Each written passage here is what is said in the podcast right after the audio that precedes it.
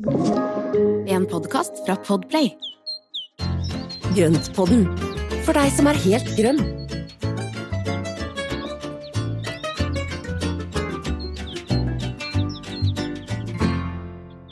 Hallo, alle sammen. Velkommen tilbake til oss. Hei, Espen. Hei Marianne. Det, er, det, var litt rart å hoppe over en uke. Jeg fikk litt sånn der, nesten litt sånn klump i magen. Mm, ja, det var en veldig rar følelse. Vi hadde gyldig fravær. Du var ikke helt i ja. form. Nei, det kan du trygt si. Det, ja. Jeg var jo en av de siste ettersleperne som da fikk korona, så det var jo lå flat hele uka. Så det var jo litt, eh, litt annerledes og litt uvant. Men, eh, men det, som, det, som, har skjedd, det er at jeg mista luktesansen. Stakkars. Ja, det... Jeg merka jo det når jeg skulle ut og lukte på syrinene i hagen, og tenkte at nei, ikke, ikke antydning. Så dette her er jeg veldig spent på, for jeg er jo veldig opptatt av dette med duft i hagen, altså planter og blomster mm. som dufter, da. Så kjempespennende. Det er uh, veldig, veldig uh, Altså jeg håper jo virkelig at dette her går over, at det, mm. at det kommer tilbake igjen. Det gjør det for de fleste. Ja, vi satser på det. Men det må jo være en helt mm. merkelig følelse å ikke kunne ja. lukte. Ja, så smakssansen er der. Så jeg har ja. jo da spist alt jeg finner, pluss litt til. Så det har jo Jeg har, har putta i trynet alt jeg finner. Trøstespising de luxe. Ja. ja, ikke sant. Nei da, men eh, det, nok om det. Heldigvis så er det nå på bedringsvei, og nå er, nå er det på plass igjen. Ja, så bra. Det er kjempefint. Du, apropos ikke noe som lukter, for at jeg har spørsmål om en plante som ikke, er, som ikke lukter, men som, som, jeg nå ser. Jeg trenger bare et lite sånn kjapt tips før vi fortsetter i dag. Og det er den der julekaktusen som vi fikk, eller jeg fikk en, ikke avlegger, jeg fikk en stikling ja. for en måneds tid siden, kanskje. Og nå har, mm. det, jeg har fått det til, men nå vet jeg ikke hva jeg skal gjøre videre. Du... Skal jeg, plott, skal jeg potte den om? Nei, ikke nødvendig å potte om. Står den igjen da en liten potte med da god jord, altså veldrenert jord, så er det bedre å la den stå og få etablere seg enda bedre før den gjøres noe med. Ja. Så de små nye røttene skal ikke forstyrres. Så jeg skal ikke gjøre noe? Jeg skal ikke kikke og pirke oppi og sånne ting? Nei. Nei, ikke gjør som meg og dra opp stiklinger og sånn, det er bare tullball. De har små røtter, sånn at du, de skal få lov å stå i fred. Og, men det du kan gjøre, det er at du har jo hatt plastikk over, og har du, mm. du har tatt av den, ikke sant? Ja. Nei, så nei da skal jeg gjøre det. Ja. Ja, så det du kan gjøre, det er å åpne opp plastikken over, for at da har den, hvis det har begynt å skje noe med stiklingen, at den har begynt mm. å sette blader, så betyr det at det da er røttene antageligvis i gang. Ja. Jeg har bare hatt en sånn plastpose, og så har, har ja. vært langt nede der, så bare, da bare lar jeg den stå litt sånn som den er, da. Ja, så det du kan egentlig gjøre, det er å trekke plastposen ned, slik at den da mhm. planta nå kommer helt opp og ut og fram i, i luft og, ja. og, og, og er rett og slett ute i det fri. Fordi eh, det som nå skal gjøres, det er at den skal stå da i eh, lyst, ikke sterk sol. Uh, julekaktusen det er jo egentlig en epifytt som lever oppi trekroner og sånne ting mm. i litt mer tropiske områder, hvor du da har jevnt med fuktighet uh, og uh, altså ikke for tørt, og så skal den da ha lyst, men ikke sterk sol. Altså dette filtrerte lyset som vi har snakket om før. Mm. Det lar jeg stå i den nordvestvendte vinduskarmen min, jeg, tror jeg. Mm, det er kjempefint. Ja. ja. Alternativ er å sette den ut. De stortrives ute på sommeren. Å gud, ja. Bare sett ned sted så ikke sneglene finner den. Åh, oh, gud. Ja, det er et annet tema vi ikke skal snakke om i dag. Men eh, Nei, de, er, de lever og har det bra i hagen. ikke sant. Ja. Nei, så, så, sett den da et sted hvor den er i sikkerhet for, mm. for altså snegler spesielt. Ja. For det hender, det er ikke ofte, men det hender at de faktisk gyver løs på de også. Ja, nei, den her har jeg ikke Den, den her er hellig, altså. Den er kjempeviktig. Ja. Og fantastisk følelse. Ja. Det lille, lille bladet som utviklet seg. Helt herlig. Ja, og det er veldig spennende. Mm. Kanskje den skal få lov til å komme ut, da. Noen andre som skal ut, det er jo oss, eh, holdt på å si firbente, oss tobente. som nå og firbente. Er, og firbente, absolutt. Men det temaet for, eh, for dagens episode er jo rett og slett det å komme oss ut og feire årstiden utendørs. Ja. Mm. Nyte sommeren, både dag og kveld og natt. Yes. Jo, altså. Dagens tema er sommerfest i det grønne. Ja. ja. Mm. Og vi tenkte at ja, kanskje, kanskje, folk liksom syns at vi er litt sånn langt bort fra gode praktiske råd og fakta og sånne ting, men vi hadde så lyst til å snakke om det her, så da gjør vi det, Espen. Sant ja, det. det ja. gjør vi. Og ja, og det er jo ikke bare, bare sånn pynt og, pynt og stæsj, men det har jo litt å si hvor og hvordan og, og mm. ting vi kan gjøre med hagen og forberede hagen på en sommerfest også. Absolutt. Og så er det jo noe med det at tross alt når vi koser oss sånn med hagen og gjør den fin og sånne ting, så har vi lyst til å være i den. Vi har lyst til å, å vise den litt fram og ha det hyggelig der og, og, og bruke den fine rammen det er da, rundt eh, ja, sammenkomster. Så vi synes ja. at vi er innafor der, altså. Ja, og det som også er litt morsomt, som jeg, jeg tenker faktisk en del på det, jeg syns det er utrolig hyggelig å ha besøk i hagen mm. som kan egentlig oppleve all den jobben man har gjort. Mm. Når man da jobber og jobber og jobber med å få ting til å se fint ut, og så er det jo ingen til å se at det har blitt fint. For ja. det er jo veldig godt å, å, kunne vise fram også noen av de tingene som da man er litt stolt av, eller at ting plutselig har grodd seg til ordentlig og er skikkelig fint. Mm. Så det å få enten altså, noen andre som kan oppleve det, kanskje få noe anerkjennelse for at det søren så bra det faktisk ble, mm. eller uh, rett og slett at andre bare kan komme og hygge seg. Ja.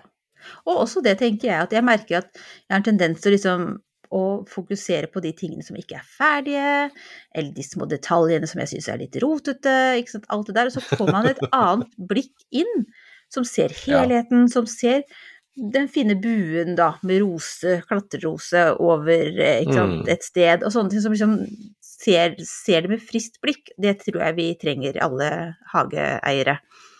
Ja, men det er faktisk sant. Jeg har faktisk ønska meg en gang ja, at, den, at, jeg skulle kunne komme inn i hagen og se hagen min for første gang mm. med et nytt blikk, med andres øyne. Mm. For det ville gitt noen sånne aha-opplevelser i forhold til ja. akkurat det du sier der, at det, eh, man setter alltid fokus på alt det man ikke har rukket å gjort, eller det som da henger igjen, eller skrothjørnet, som jeg ja. faktisk var ute og kikka på i dag. Å ja, du benytta anledningen til å gjøre det? Blitt friskere, så tar du liksom av mm, ja. ja, å ut og kikke litt. Så jeg ser jo ting som burde vært gjort, og nå har jeg liksom gått en uke hvor jeg ikke har fått gjort omtrent noen ting, så nå, mm. nå må det begynne å tas noen grep her. Ja, men først skal du bli ordentlig, ordentlig frisk. Så ja. vi, vi, vi, skyndte langsomt med å drømme oss litt bort til en herlig sommerfest. Mm. Og da tenkte vi skulle mm. begynne eh, Vi har tenkt vi skal dele inn i tre. Så først er det liksom rammen rundt, som er viktig å etablere. Og så er det jo borddekorasjonen. Altså hvordan man pynter bordet mm. og dekker opp der. Og så tenkte vi også at vi skulle komme litt inn på det med mat og drikke. Og da med mm. en sånn en grønn tråd gjennom det her. Um, rett og slett. Er du enig, eller? Eller kom du på noe mer, da? Jeg digger den grønne tråden. ja, så bra. Men la oss begynne liksom med det store bildet, da. Og da tenkte mm. jeg, er, i hvert fall jeg har jo muligheten for at folk ikke trenger å gå rett ut på uteplassen vår, som per i dag ikke er ferdig, for å si det sånn. Der, der skal vi jo det blir innvielsesfest? Ja, det blir innvielsesfest. Men vi har da flytta bordet ut i hagen. Så langbordet står under pæretreet, og det er ganske fint. Men det jeg tenker mm. istedenfor at man liksom kanskje gå gjennom huset eller noe sånt. Så vi har jo mulighet til at folk kan gå litt gjennom hagen. Så jeg tenkte det, mm. det kan være en fin start på en fest, er at man kanskje tar imot gjestene sine et annet sted enn der man pleier å gjøre, alt jeg på å si, og så kan man liksom geleide dem litt. Kanskje de får en liten omvisning hvis man har lyst til det, eller at de bare kan få lov til å gå på en liten vandring selv, til man kommer fram mm. til der det er dekka opp. Tenkte jeg bare. Det er veldig hyggelig. Ja, kanskje ja, med litt, et eller annet i glasset som man får med seg på vandringen. Litt sånn. At man starter ja. der. Ja, og det å bruke hagerommet, mm. uh, og som du sier også det å da være på andre steder enn der hvor du pleier å være, det syns jeg er kjempeidé. For det er jo noe med å utnytte hele hagerommet, for at det ikke bare setter seg på de helt vante plassene. Mm. Og også sånn det stedet man velger å være. Eh, det trenger jo ikke å være uteplassen. Det kan jo være et annet sted på gressplenen eller i hagen. Det kan være der det er en Kjøkkenhagen, midt i kjøkkenhagen, langbord hvis man altså, har plass til det. Ja, ikke sant? Ja, for dette, men sånn du som har en stor kjøkkenhage med altså Det er jo utrolig spennende rammer der, og der er det jo kort vei til altså, både salaten og de grønnsakene og alt mulig rart, så det er liksom veldig, veldig greit hvis det begynner å bli tomt i bollen, mener jeg. Veldig smart. Ja men, ja men, det er jo et godt eksempel. Eller hvis man har et tre eller en busk som, uh, som blomstrer eller lukter veldig godt, uh, altså utnytte det. Tenk liksom scenografi, ikke sant. Gjøre det meste ut av det. Skape et inntrykk som gjør rammen bør jo være minneverdig. Ikke sant? At det er noe unikt ved det. Ja, Nei, men det er helt sant. Og det å da kunne sitte under et epletre eller frukttre og da altså ha, ha et langbord under et tre, er jo helt fantastisk. For at da har du også den lunheten eh, Mm. på kvelden når det da begynner å bli litt sånn der dugg i gresset, og, eller at det begynner å bli litt kjøligere. Treet har en takfunksjon som gjør at det blir lunere. Mm. I tillegg så kan du da henge opp da en del lykter. Altså det Mm. er så mye fine lykter, enten om du da tar f.eks. gamle norgesglass og setter på en lita hempe eller setter opp i telys oppi der, eller om du da bruker disse her eh, lyktene som det er solceller. For det, nå finnes det jo altså enormt Mm. utvalg i solcelledrevet eh, lys som Ja. du kan henge opp både her og både der. Eller girlandere. Altså man kan bare sånne altså lys... Hva Ja. heter det? Lys... Lyslenker. Lenker. Ja. Som, eh, jeg tenker, Der kan man liksom regulere om man skal ha mer partyeffekten med masse lys, eller om man skal ha det Mm. intimt og litt roligere med liksom litt færre. Og da kanskje det er bedre med lykter igjen, ikke sant, som liksom lager litt pumpelysning her og der. Eh, Mm. Ja. Samle det man har. Er man redd for at man skal velte noe sånt, så tar man og kjører på batteridrevne eller solcelledrevne, tenker jeg. Så Men det er så mye fint av solcelledrevet og batteridrevet, så, så man trenger jo egentlig ikke ha levende lys, egentlig. nei. Så slipper man å tenke på vinden. Veldig godt poeng. Da har vi liksom ordna, da har vi plassert bordet et sted. Og så, men så er det ikke alle som har et epletre, eller at det passer å plassere det der. Hvis man har en fin uteplass man har lyst til å være på, men allikevel vil skape litt den derre ekstra frodigheten, da. Og gjøre, Mm. altså forandre den hverdagslige uteplassen litt, så det, kan man jo for eksempel altså hente inn det man har av krukker, som kan flyttes Mm. på enkelt, og skape en litt mer sånn intim følelse ved også å, å dandere de litt rundt bordet. Ikke sant? Ja. liksom fylle på med litt Kanskje man kan klippe av noen greiner og plassere i altså en svær krukke eller et uh, norgesglass, holdt jeg på å si, altså noe med litt størrelse, og så kan man sette det på et eget lite bord ved siden av. Altså bare for å skape den derre følelsen at man får et rom, da. Ja, og da litt større planter, altså større planter Mm. og greiner, for å da trekke det rundt og da fylle ut i, i området rundt. Og Der kan du også bruke en del, altså hvis du har noen store inneplanter, Mm. Eh, og ta de ut for en kveld hvor det da ikke er sterk sol, selv om de ikke er vant med ute, utetemperatur og ute, altså lyset ute, så Mm. vil de da på, på, på kveldstid kunne stå og være kjempefine. Og så kan man trekke de inn igjen da senere på kvelden eller natta eller dagen etter. Mm. Jeg tenker at stuelønnen min, som jeg vet egentlig skal ut, men den ville jo vært kjempefin. Den har jo da disse små Mm. oransjerøde blomstene og sånne ting. Den vil jo være herlig i en sånn setting. Så bør man liksom ikke Ja. tenke på at det, det passer og det passer ikke, man prøver seg fram. Det er morsomt, alle kan få lov til å være med på festen. Men det er jo Det er faktisk sant. Men tenk på naturen. Alt står jo sammen i naturen. Alle får jo være med der. Ja, veldig lite, altså hva skal vi si, litt jålete i naturen. Ja. Alle, får, alle får være med. Mm. Eh, En annen ting jeg tenkte på når vi snakket om det med lykter i, over bordet, i trær og sånne ting, det er jo også fine, litt større lykter man kan sette på bakken. Kanskje, og igjen Mhm. for å lede fram til den plassen, og også rundt plassen. Eh, og da kan man jo gjøre det enkelt med om man har store, gamle som norgesglass og setter eh, levende lys oppi der, men det finnes jo også utrolig mye lekkert eh, med batteridrevet og solcelledrevet og jeg satt og drømte meg bort så seint som i går kveld og så på alt de hadde fra Evasol og Rosendal og gud vite. Som var litt sånn er, Ja, ja. Skal jeg kjøpe en blomst eller plante til, eller skal jeg kjøpe en sånn en? Så falt jeg ned på plante, men eh, ja. Det er i ja, bakhodet. ikke sant. Mm. Men det er veldig mye fint. Og det er jo det, ikke, dette igjen med teknologien som er i dag, gjør at det er så mye enkelt. Det er så, det er så mye som funker bra med dette med lys og, LED-lys og alt mulig rart. Så det, det er Mm. veldig fint. En annen ting som kanskje ikke er helt rammen rundt, men allikevel ikke er på bordet, så jeg nevner det nå, er jo det med Man trenger jo ikke Kanskje ikke du har et stort bord, kanskje du har lyst til å invitere masse mennesker til en eh, sitt ned-middag eller måltid. Eh, men hvis du da har Altså, det går an å invitere til piknik. Og legge Mm. et godt stykke med, med tekstil på bakken. Jeg har også sett noen som bruker sånne paller. Uh, hvis du vil ha litt grann høyde, at du legger én eller to paller oppå, oppå hverandre, liksom, i en rad, og så dekker til med f.eks. duk, da, eller bare være røft, Mm. og så legger man puter rundt, for da får man en liten høyde. Altså det litt Det er kult. Ja, det kan Ja. også være fint. Det blir litt grann enklere å sitte Ja. der, og samtidig som du får den, fortsatt den uformelle følelsen, ikke sant, som, som en piknik.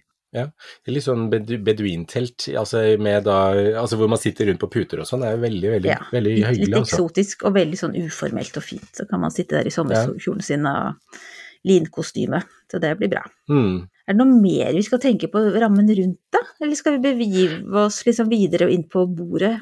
Jo, men kanskje man skulle klippe litt plen. Det er jo en av de tingene som da er greit å få gjort før det blir eh, tråkket for mye på den også. Mm. Er den litt for lang, så kan den bli veldig sånn flattrykt, og det er jo ikke alltid den retter seg like godt etter, eh, etter en fest med da flere mennesker som tråkker rundt. Mm. Så øh, klippe ned, og gjerne klippe ned et par dager i forkant, for da rekker da liksom sårflaten i, i gresset å tørke inn og, og sånn, så ikke det, det blir så mye grønske hvis man da eh, skal sitte på plenen eller sitte Mm. nede på bakken, da. Mm. Og så få bort gresset, altså rake litt kanskje, der man skal sitte. Ja. Så ikke Ja. man sitter med masse gress i rumpa. så- det er alltid greit å klippe, men da kan man bruke, kan man bruke den der oppsamleren på gressklipperen akkurat den Ja, gangen, så det er, det er faktisk veldig lurt. Mm. Gyldig grunn til å gjøre det. Ja. Og så tenkte jeg at hvis man ikke er så veldig glad i å klippe plen, altså det går jo an å bruke det at man kanskje har litt, litt for høyt gress på en liksom, hva skal vi si, en litt kreativ måte, ved å klippe, kanskje hvis man skal ta den gangstien da, at man klipper en Mm. sti, og at man så klart klipper området der man skal sitte. Det kan jo også gi litt morsom effekt. Ja, og så blir det som å sitte ute i en blomstereng. Det var ganske fint. Å, tenk da kunne man hatt sånn derre at man også hadde liksom satt liksom Hvis man hadde litt høyt gress, og så kunne man liksom plassere litt sånn ting Altså en, en liten falsk sommerfugl, holdt jeg på å si, sånn på en pinne. Altså hvis man hadde kunne liksom plassere litt sånn Og litt lys på pinner rundt omkring, forstår du hva jeg mener nå? Så Ja. det blir liksom som Ja, ja, ja. liksom omfavnes av det. Det kunne også vært litt fint. Det er så mye muligheter, altså. Så bra. Men du, nå begir vi oss over til bordet, syns jeg. Vi i Rema 1000 kutter igjen prisene, nå på en mengde påskefavoritter. Du får for eksempel minst 25% priskutt på appelsiner i løsvekt, familiepakning med vaffelmiks fra Toro, 10-pakk Rieger kakao fra Freia og andre påskefavoritter. Alt dette og enda flere priskutt på minst 25 For det er sluttsummen på påskehandelen som teller. Og husk at vi fortsatt har fryst prisen på over 1000 varer.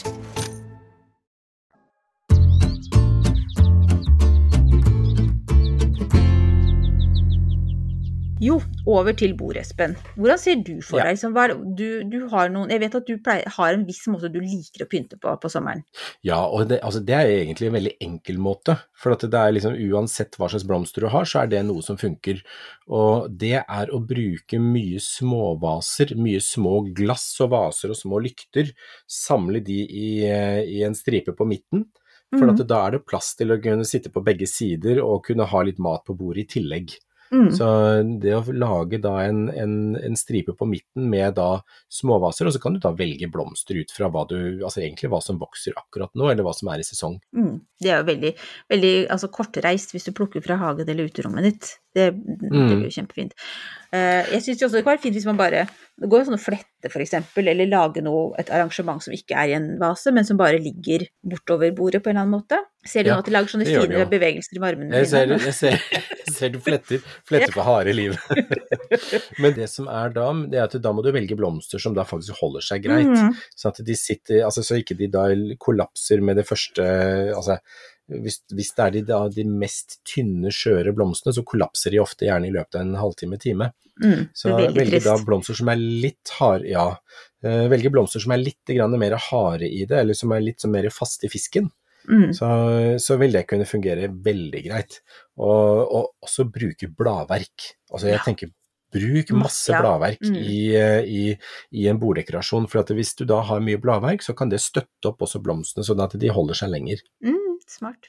Et alternativ til det lave, sånn som For poenget her er jo liksom å både gi en Altså bidra til en stemning og understreke at det er Mm. fest, men også det at man kan ha øyekontakt.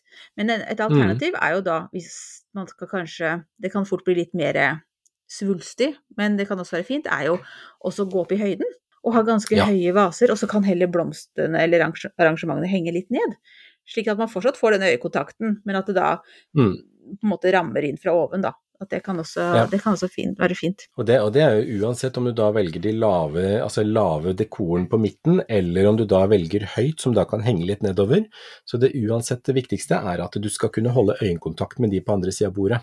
Mm. For det å da sitte og liksom prøve å, å se hverandre på hver sin side av en høy borddekorasjon, det er ikke gøy.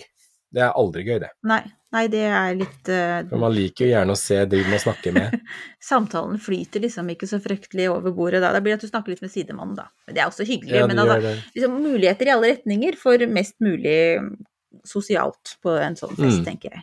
Og så er det jo også dette å duk eller ikke duk.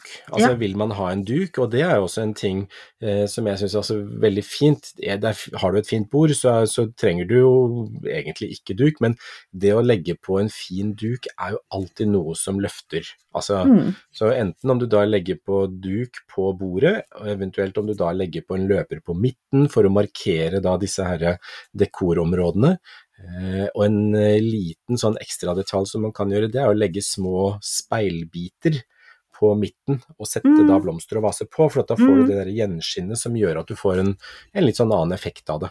Mm. Finnes det utrolig mye fine duker på markedet også, og det er jo masse herlig. Ja, Det, er mye, det, er, det er veldig mye rutete for tiden, altså som er, passer kjempefint på en sånn litt uformell sommerfest. Eh, Mm. Man kan ha ensfarga, lin, som har en litt den der teksturen som eh, igjen er litt avslappa. Som for, Mm. for ja, det kan jo hende du har lyst til å ha høye hæler og stiv middag utendørs, men de fleste vil vel ha det litt sånn Altså sommerfest for meg er jo at gjestene etter hvert går barbeinte og Ja, legger seg litt rundt. Ikke sant? Det er koselig. Ja. Så, Ja. så tenk litt på det, de tekstilene du velger. Og, og så jeg syns jo eh, papirservietter er helt fint, men det er litt ekstra Hvis du jeg, ha- har orket og lysten til det, og så kjører på med stoffservietter, så gir det litt ekstra, syns jeg. Ja. Igjen på denne Ja. den der teksturen og den der eh, taktiliteten som jo du har allerede i hagen med blomstene og duftene, og det er mye som sansene koser seg jo. Eh, så da er det Mm. kjempefint å, å kjøre opp med det, og da kan man jo eh, igjen kanskje hente opp en eh, veksel, en plante, altså en blomst fra dekorasjonen på servietten. Ikke sant? At du tar og plukker en blomst og legger på toppen av servietten eller på tallerkenen og sånne ting, så at du liksom binder det hele litt sammen. Og det samme gjelder jo også hvis du da har lyst til å, å lage dine egne servettringer. -hmm. Så er det jo også nå på den tiden nå på sommeren, så er det masse myke, fine grener, så du kan bare strippe for blader, og så kan du flette de sammen til små servettringer, og det er gjort på 1, 2, 3. Er det så enkelt som du sier nå? Ha, Ja. kan, kan du, akkurat her syns jeg faktisk du skal gi en liten oppskrift. Altså skal jeg da, altså, hvor stor skal jeg gjøre det rundt en tom øh, sånn pappgreie? Ja, jeg eller- tenker med ja eksempel en sånn, altså dorulltykkelse er jo en fin, fin størrelse. Eh, så det, altså den, litt avhengig av om har du store tøyservietter, så, så, så vil jo de kanskje kreve litt grann mer, men det å lage eh, en ring av eksempel, si at man da bruker eh, pil da, Mhm. Hengepil er jo en veldig sånn myk og fin og smidig ting. Eller så er det årskuddene på epletre eller på plommetre eller sånne ting. For de Ja. begynner å få en lengde nå mm. som gjør at du når du tar av bladene, eller kornell, altså de røde kornellene eller grønn kornell, Mhm. kjempefint. Så hvis du da tar av bladene, og så kan du da lage en løkke, så at du da bare lager en, en løkke av, um, uh, av den greina, Mm. og så tar du da den mykeste enden, og så begynner du å flette den rundt seg selv. Ah, Slik at du da fletter hele tiden rundt seg selv. Og så du lager formen først? Ja, for da har du liksom Ja. sikra størrelsen. Størrelsen. Så, Du mm. sikrer størrelsen, så da legger du da hele greina i en løkke, og så holder du den, den fast eh, med tommel og pekefinger på en hånd, og så kan du begynne å flette med den andre, og dermed så låser den seg i seg selv. Mm. Og så har du da en liten krans, og det blir på samme måte som du fletter en krans på altså sånn større høstkrans eksempel, Mm. så kan du da flette små servettringer. Kjempefint. Det er Ganske enkelt å lage. Du kan også bruke villvin. Villvin er kjempefin å bruke. Ja. Mm. Eføy. Eføy, absolutt. Jeg har plenty av eføy Ja, ja, ja. Ja, Ja, er, Så det er mange den sånne ting som du kan begynne ja. Så eh, det du bør tenke på, det er at det er myke, smidige grener som da er lette å, å forme, mm. som ikke knekker. Mm. Høres herlig ut. Hva tenker du om glass og sånn, da? Altså, jeg vil dra med liksom porselenet ut, jeg. Ja. Altså, nå har ikke vi Ja. Det hørtes ut som jeg hadde liksom sånn kongelig style på det. Jeg har ikke det, men jeg syns jo det er liksom fint å ikke bruke papp og plast. Ja, jeg er helt enig. Bruk eh, ordentlig bestikk, ordentlig glass, ordentlig alt. Eh, det som er litt morsomt, er jo det at man kan også bruke, altså for å få det der uformelle uttrykket, at man da bruker forskjellige ting. Det, man må ikke ha tolv av alt. eh, og Nei.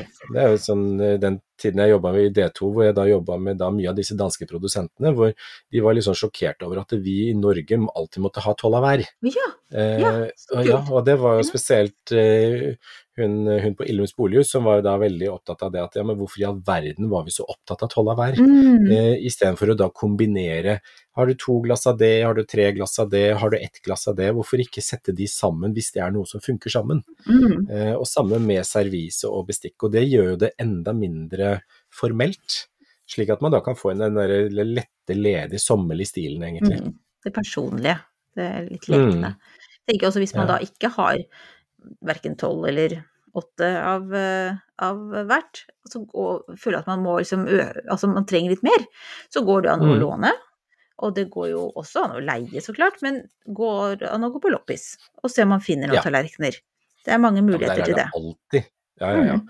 Og det er alltid Altså, det, vi har en sånn bruktbutikk borte på Kolbotn her som er, som er Den er jo den, De har så mye ting. Det koster ingenting. Mm. Eh, en del av disse her servisgreiene det koster jo nesten ingenting, og så kan man da ha, plukke litt forskjellige fine ting som man liker og syns er fint.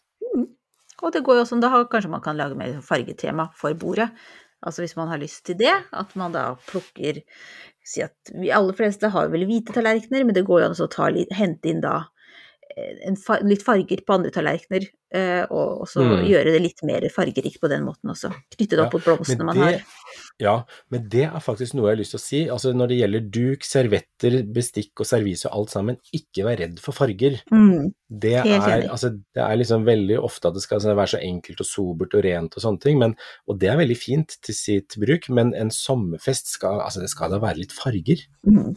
Helt enig. Jeg ser det veldig for meg. Jeg vet ikke om du ser det samme for deg, men den festen vi lager nå, Espen, oppi hodene våre, den er veldig hyggelig, altså. Ja. Fargerik og hyggelig. Ja. Mm. Ja, hva skal vi servere, da? Som igjen har en liten sånn For å kjøre videre på den grønne tråden. Har du noe Hva Mm. tenker du? Jeg tenker det må jo være Noe godt. Ja, det må være godt vekstbasert. Eh, kan vi fokusere på Ja. her, kanskje. Selv om altså Jeg har ikke noe mot eh, animalske produkter innimellom. Nei, Men, eh, men det er jo utrolig stas å kunne servere noe fra kjøkkenhagen. Eh, Jeg Ja. fingrene i år for at jeg får til squashen. Ja, nå er jeg i kamp mot sneglene. Ikke at vi skal si noe mer om dem, men det er meg eller dem. Eh, men da har jeg alltid da lag, En av mine paraderetter som er ekstra godt når det er squash fra kjøkkenhagen, er jo eh, squash som jeg da eh, steker i panne, og som jeg legger i en sånn deilig liten marinade. Og så har jeg Mm. ricotta, altså den myke italienske osten, som jeg da har Mm. litt revet sånn eh, sitronsest og litt olivenolje og, og havsalt som jeg blander i. Og så legger jeg da denne ricottaen på et fint fat, og så legger jeg denne stekte og marinerte squashen oppå der igjen. Det er himmelsk. Så den må Ja, alltid høres med på et fantastisk ut. Ja. den er knallgod. Den er helt super. Eh, så den vil jeg alltid ha med. Har du noe du alltid vil Ja. ha med på sommeren? Potetsalat. Mammas potetsalat.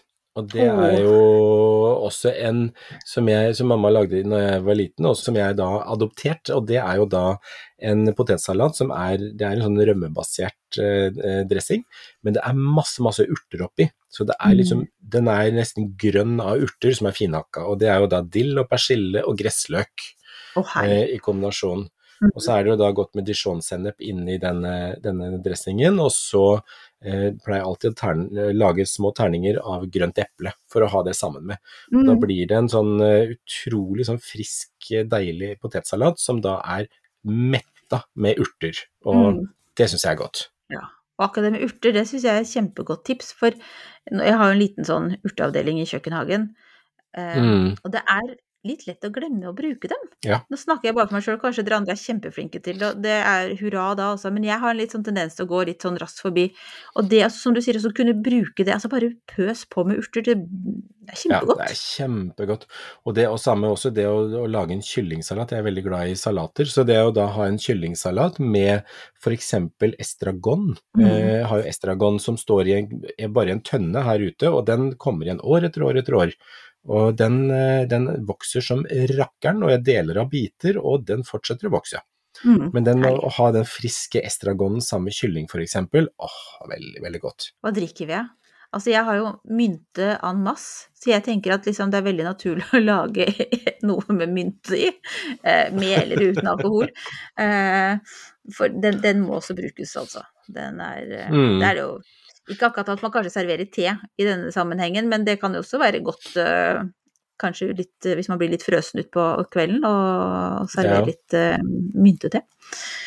Men det er jeg helt enig i, og, og, det å bruke urtene igjen der, og det er også Har du, har du agurk f.eks. enten i solveggen eller i drivhuset, skjær lange, tynne skiver av agurk, legg i en vannkaraffel sammen med mynta. Mm. Eh, og få den der gode smaken av, av, mynte og agurk sammen i eh, Og kanskje også noe sitrus, altså noe sitron eller lime. Mm. Eh, ellers er altså, det er jo aldri feil med rosévin på sommerfest heller. Fins ikke det, nei. Fungerer nei. veldig greit. Det er uh, Det, det fins veldig mange ja. ja. ikke sant. Vi kaller det lite motstand. Ja. Nei. Og så tenker jeg, nå har jeg satser jo hardt på bærbusker og jordbær og, og sånne ting for å få en litt mer selvdreven kjøkkenhage, i, og med at jeg har noe mm. annet å ta meg av også. Og det å lage noe, altså om man da lager en fruktsalat med masse bær i, eller man har det som garnityr på en, en, kake, eller man kan lage en bærpai. Altså det er jo masse sånne ting man kan gjøre. Rabarbra er jo supert hvis man skal Vet du hva, rabarbra, ja. Mm. Mm. Så det er bare å kjøre på. Hva skal jeg fortelle om en dessert som jeg har laget, som, som jeg må lage igjen? Mm. Det er å bruke rabarbraen, lage rabarbrasaft, koke den litt ned til en rabarbrasirup, mm. og så ta en god neve med roseblader fra oh. sånne duftende gode, duftende, gode engelske roser, som mm. da bare blir infusert i denne her rabarbrasaften, eller denne rabarbrasirupen. Og så når det er kjølt av, så, så siler du selvfølgelig av rosebladene. Og så ha marengs, altså pikekyss, mm. vaniljesaus. Eh, Kulinaris eh, vaniljeis, altså det er lokalprodusert eh, is på Kolbotn, mm. som er ordentlig god vaniljeis legge lagvis med da mm. pikekyss, vaniljesaus, vaniljeis, og så toppe det med denne rabarbrasirupen som er infusert med roseblader. Oh, altså, det høres så godt. Og så pynter du med litt roseblader på toppen. Det blir helt herlig. Ja. Mm. Å, gud, det høres godt ut. Eller så går det jo an å lage sånn som nå, jeg har eh, mye eh, sitronmelisse rundt omkring i hagen. Mm. Viltvoksende blant annet blant uh, lavendelen. Der skal den ikke være. Oi. Så da plukka jeg inn en haug, og så lagde jeg Jeg laget sirup som vi da prøver nå. Vi har, ungene har prøvd den til litt sånn SodaStream-drikke og sånne ting. Eh, men det jeg tror jeg skal gjøre neste gang, er å lage det til en liten sorbé. Det er jo knallgodt. Mm -hmm. Altså, det er så mye gøy. Ja. Men bruke ting fra hagen, altså. Det er, om det er ting som ikke skal være der det skal være, eller hvordan det er, men bruk ting. Altså ikke glem det bort, at det står ute i hagen. Mm. Vi går jo også an å lage en, en salat av uh, skvallerkål, men det føler jeg at det er et annet program. spis, spis, dine uvenner i hagen. Ja, ja, ja. Men så klart, altså gå ned i bukettbedet ditt, og så alt du har av spiselige blomster, pynt på ja. salater og kaker og i drinker og alt mulig. Mm. La det liksom bare Kjør. sveve over. Kjør på. Kjør på, jeg er helt mm. enig. Å gud, nå fikk jeg lyst på fest, Espen. Jeg òg. Skal vi ta en party i sommer? du har blitt frisk. Vi får gjøre det snart. Ja. Da er det full fest. Herlig.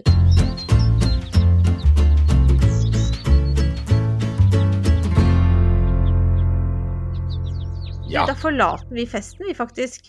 Takk, det var veldig hyggelig, Espen, å være på fest med deg, som alltid. Eh, men nå skal vi gå videre. Vi må, vi, liten... vi må gjenta det snart. du, vi gjør det snart igjen, vet du. Men eh, jeg er jo alltid nysgjerrig på ukas plante. Hva har du funnet på den gangen ja. her, da? Ja, i dag så har jeg plukket ut en pelargon.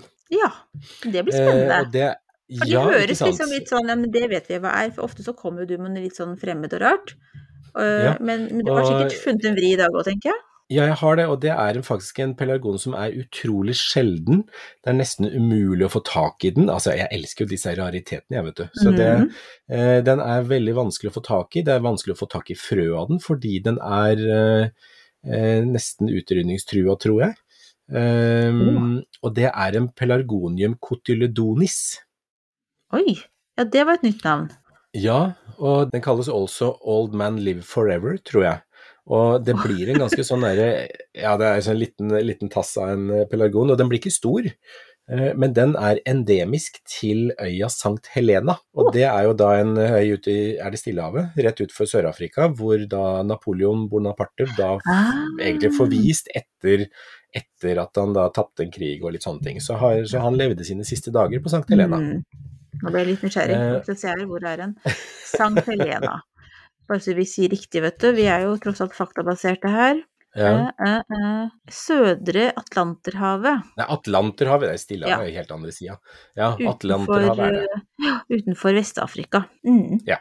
Stakkars. Og, der, og denne, denne planta den er da endemisk til, til St. Helena. Det betyr at det er der den er liksom utviklet og finnes eh, opprinnelig.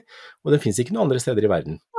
Så den har jo da tilpassa seg et liv i litt sånn derre kummerlige forhold, steinskråninger eh, osv. Og, så og der vokser den, og den får en sånn fantastisk sånn derre barkete, treaktig vekstform som er bare helt rå. Så jeg hadde to av de som jeg har sådd fra frø. Jeg var så heldig å få tak i frø for eh, sikkert ti år siden. Eh, sådde opp tre frø, og jeg fikk fram to planter. Og dessverre så mista jeg den ene for et drøyt år siden, i vinteroppbevaringa da. Mm. Men Betyr den at du andre, har den steller jeg Ja. Ja. Yes, Og den bra. får nydelig hvite blomster som da kommer på nesten bare sånne stammete grener. Og så Mm. får den da veldig gøyale, litt sånn runde, eh, ganske stive blader etterpå. Så eh, dette her er en, en helt spesiell pelargon som er blant disse villartene som jeg er ekstremt glad i. Sånne Mm. sukkulente villarter. Og de mm. er ikke i nærheten av å ligne på de du kjøper i butikken. Nei, det var det jeg tenkte, at det, det her var noe annet enn eh, Mm. jeg, jeg, tror, jeg tror ikke jeg ville sagt at sånn Å ja, det ja, det her er helt klart en pelargon. Ja. Nei. Nei, men du, du vil jo ikke se det, og du kjenner Nei. nesten ikke igjen sånn sett. Og, men det er jo noe likhetstrekk i blomsten og, og sånne ting som gjør at den er lik. Og frøene ser veldig like ut.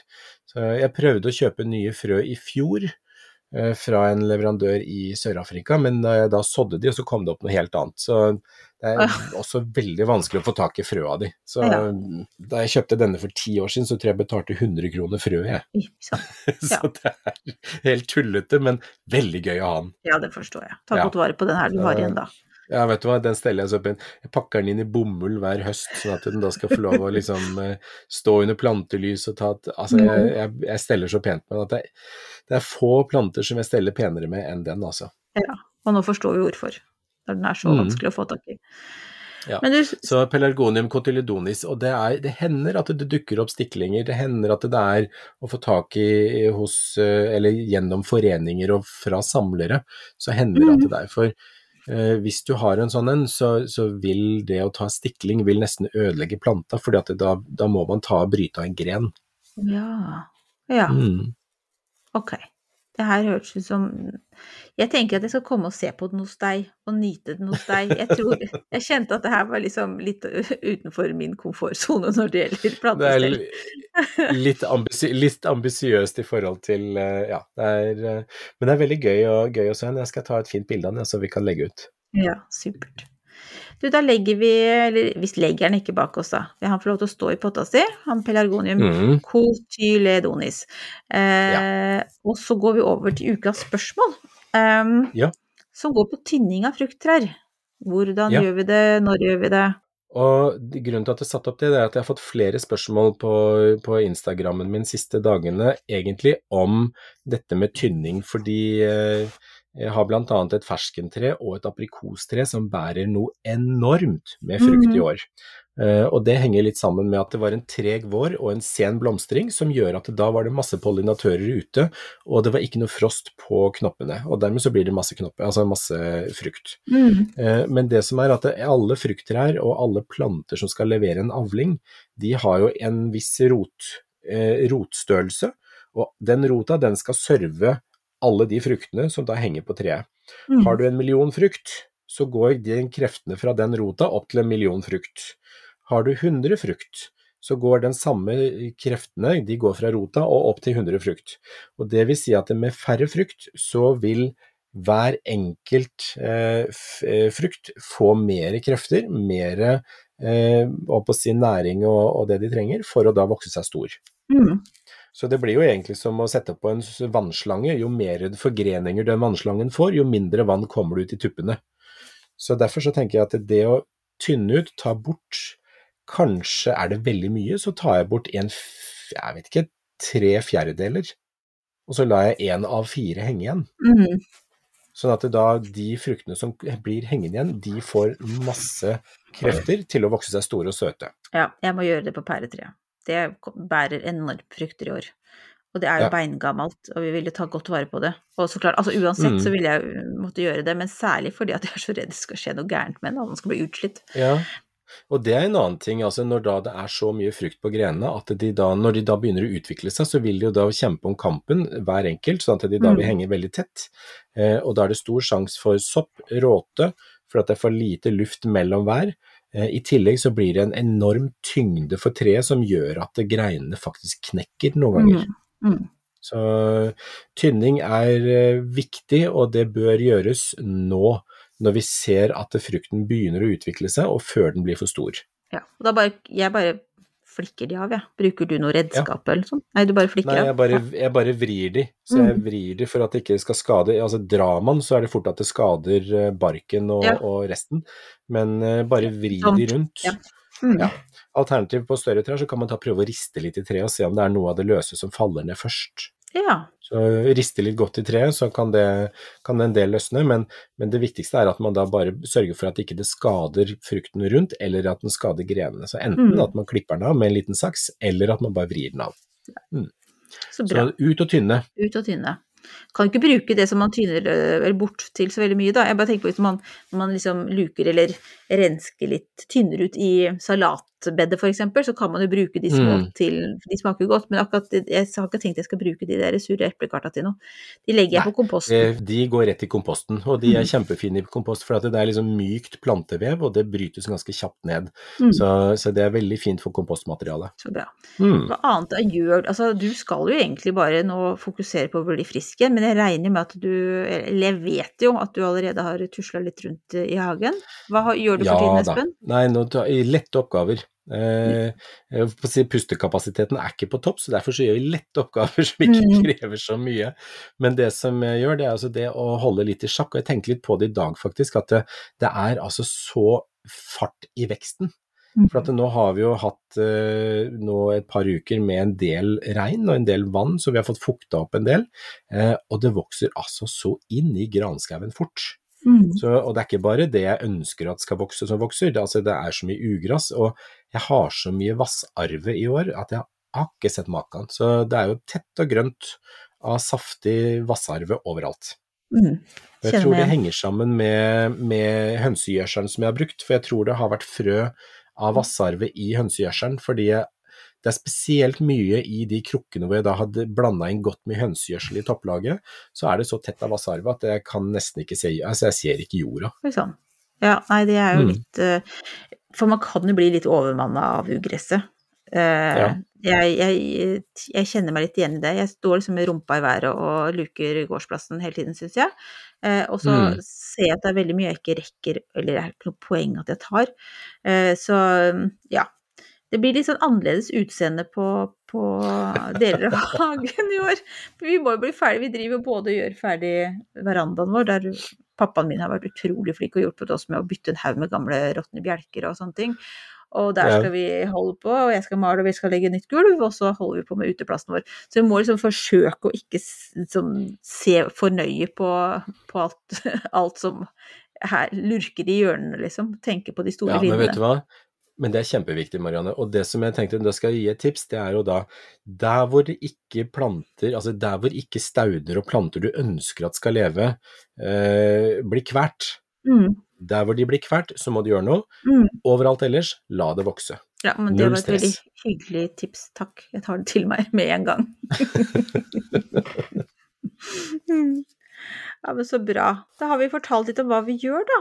Eh, Ja. Vi er jo egentlig altså Nå vil jeg bare at du skal gå og legge deg litt rett ut, for nå syns jeg du har vært utrolig flink til å holde ut uh, denne stunden sammen med oss. Og Ja, men det er gått kjempe, det gått kjempebra. Ja. Det, det, det, og vi skal, jo, vi skal jo snart Ja da. Men skulle vi avsløre litt hva vi skal snart komme med? Ja, det skal vi gjøre. Og det er jo da neste episode, for at da vi eh, da hoppet over en uke, så lovte vi to episoder. Mhm. Og eh, det er jo også noe vi har gleda oss til veldig, og vi har tent å introdusere Vi har jo da avleggeren som er en gang iblant, men vi har også lyst til å en gang iblant ha søndagspraten. Mm. Der vi inviterer en gjest. Ja, Mm. Og det har vi gjort nå. Vi har snakka Ja, med har vi. Kan jo fortelle hvem vi har snakka med, da. Hvem som vi skal Ja. ja. Mm. Det er Kristine Herra, som er eh, Som vi to kjenner veldig godt eh, fra før. Hun er jo en, eh, en flink interiørdesigner, eh, stylist, eh, en fargeklatt. Eh, hun har, hun har så mye farger, og jeg elsker farvebruken hennes. Ja, kjempeherlig. Så vi snakker litt om, om hennes bruk av farger i hagen, hennes forhold til planter. Eh, ja, jeg syns det var veldig inspirerende. Lærte masse Mm. av å, å prate med henne. Så jeg, jeg gleder meg sånn til vi skal skal sende den på søndagen. Eh, Og det var også Kristine som hadde da denne, eh, denne stiklingen som vi starta med i episoden nå også, ja. denne julekaktusen. Mm. Jeg er veldig spent på hvordan det går med hennes julekaktus. Det, det skal jeg jammen høre med henne om. Men i hvert fall dere kan jo glede dere uh, over å høre praten vår med Kristine på søndagen. Og så er jo Mhm. søndagspraten noe som vi kommer til å komme eh, tilbake til. Eh, jeg vet ikke helt om vi har liksom noe, sånn, noe frekvens klart akkurat nå, men det er jo så mange vi har lyst til å slå av en prat med. Så det kommer til å Mm. være noe som dere kan eh, se fram til med jevne mellomrom. Og vi har en lang liste med ønskegjester, så eh, det er flere vi er i dialog med, så vi gleder oss veldig til dette her. Så det blir bra. Men du, det, var, det er på søndagen. Nå er vi ferdige, Ja. Espen. Ja, følg oss i sosiale medier, og eh, send oss en melding hvis det er noe dere lurer på. Og ellers så, Mm.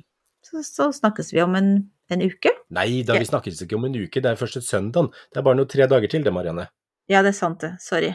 Ja, Men, det men, men, det kommer en episode om en uke òg, da. Og så er det søndagspraten imellom. Så Ja, vi, vi, vi er til stede. Hjertelig til stede. Ja. Flere ganger i løpet av uka.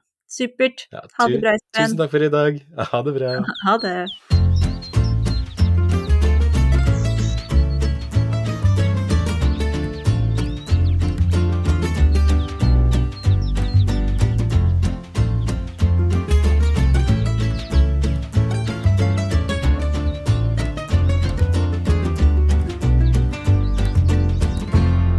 Du har hørt en podkast fra Podplay. En enklere måte å høre podkast på. Last ned appen Podplay, eller se podplay.no.